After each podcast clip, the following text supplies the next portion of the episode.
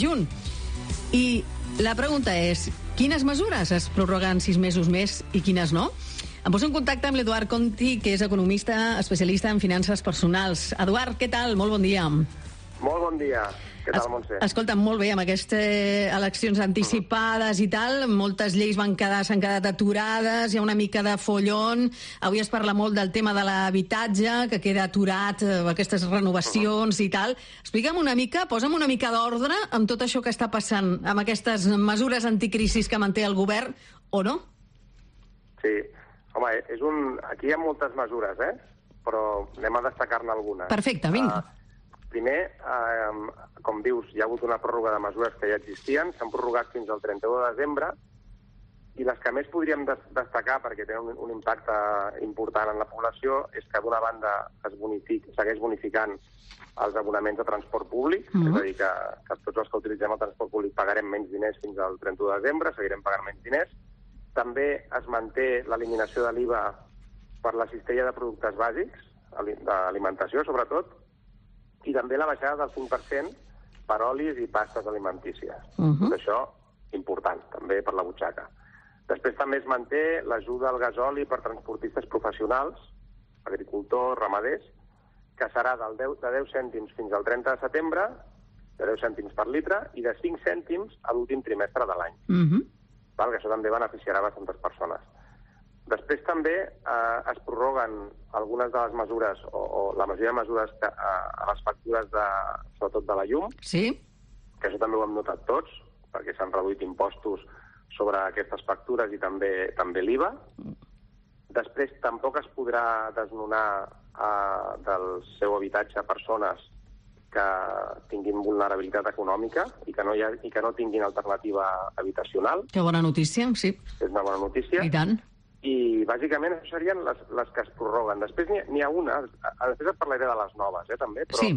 hi ha hagut també una que en alguns mitjans doncs, s'ha doncs, parlat de que, de que el govern havia eliminat el, el topall del 2% en els lloguers. Sí. Saps? Que era una de les mesures estrella, perquè, com saps, la inflació els últims dos anys realment va mm. arribar a, va arribar al 10%. Exacte. Eh? Sí, es parlava de que a partir de l'1 de juliol els propietaris de pisos de lloguer podran apujar els preus quan es renovin els contractes sense límits. Exacte, però això en aquí hauríem de posar un asterisc bastant gran. Vinga. I el motiu és que, eh, clar, ara eh, tenim una, una nova llei de l'habitatge. I aquesta nova llei de l'habitatge el que fa és, eh, el, fins al 31 de desembre del 2023, ha situat un límit del 2% en les revisions de, de contractes de lloguer existents. Mm. Mm. I que, a més a més, de cara al 2024 ha situat un màxim del 3% eh, en les revisions. Mm. Això és una llei, i la llei s'imposa en aquestes mesures que, que ara s'estan prorrogant. És a dir, que sí que és veritat que s'ha eliminat de les mesures extraordinàries la pujada al 2%, però és que s'ha fet una llei nova de l'habitatge. I aquesta llei nova contempla aquestes pujades màximes del 2% en el que queda d'any i del 3% al 2024. De cara al, a partir del 2025, eh, en, en principi s'ha de crear un nou índex de referència pels lloguers que no serà l'IPC, eh, perquè ara també la majoria de contractes de lloguer estan referenciats a les variacions de l'IPC. Doncs això també es vol modificar d'alguna forma per protegir eh, els llogaters, no? que cada cop són més. Sí. Estem en un país que era un país de propietaris i ara cada vegada més també per, per una qüestió purament econòmica i financera, no només de preferències, mm. estem passant a ser un país més de, de llogaters. No? I a més, s'està que... a més s'està incentivant, Eduard, el fet de que, ahir ho parlàvem en el programa, que a partir d'ara eh, les immobiliàries, eh, els honoraris de les immobiliàries els haurà de pagar el propietari del pis que vol llogar, no, no el, el futur llogater. Sí, sí, totalment. I això facilita, no?, l'accés al mercat de, de la vivenda de lloguer. Sí, sí, tot el que siguin facilitats sempre, sempre és benvingut, no? I també hi ha, hi ha, hi ha, hi ha entre, entre les mesures aquestes que ara es posaran en marxa a partir de l'1 de juliol, també hi ha algunes noves mesures. Sí, per exemple? Hi ha, per exemple, el, una, una, una que se n'ha parlat molt, que té a veure amb els vehicles elèctrics, sí. que és una deducció del 15% en l'IRPF per la compra de vehicles elèctrics i la instal·lació de sistemes de recàrrega de bateries. Uh -huh. val? això a la pràctica també... Això s'ha de...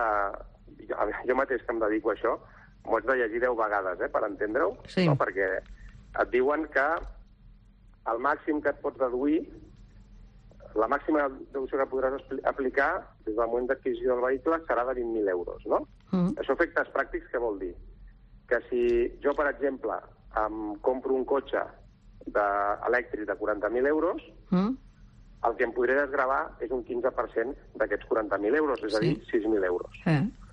Llavors, l'estalvi fiscal que tindré sobre aquests 6.000 euros dependrà del tram de l'IRPF que correspongui. Si estic en un 20%, 25%, doncs l'estalvi estarà entre els 1.200 i 1.500 euros. Que, ojo, entre tenir-los i no tenir-los, molt millor, no? Perquè, a més a més, és un estalvi fiscal que se suma en el pla MOVES, que és el pla que ara mateix hi ha a totes les comunitats autònomes per la compra de vehicles elèctrics. Vull dir que és, és un incentiu, eh? és un incentiu econòmic a, a la compra de, de vehicles elèctrics. Mhm. I és una mesura nova, se, se n'està parlant, i, i bueno, jo crec que suma, és una, una, una mesura més per, per promoure Home, clar, per donar una empenta a la transició i modernització del parc de vehicles, no?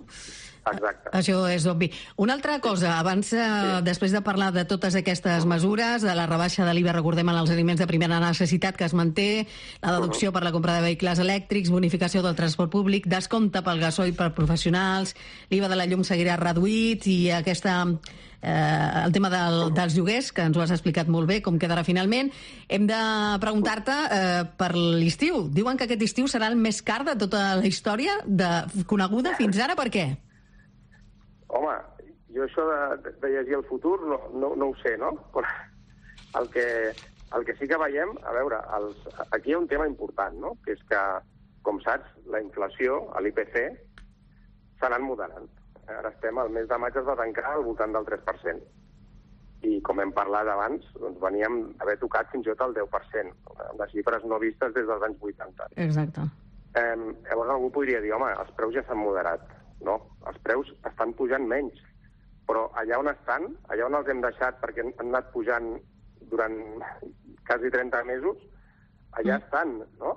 Eh, els preus han pujat i s'ha consolidat una pujada de preus. Llavors tot és més car, tot.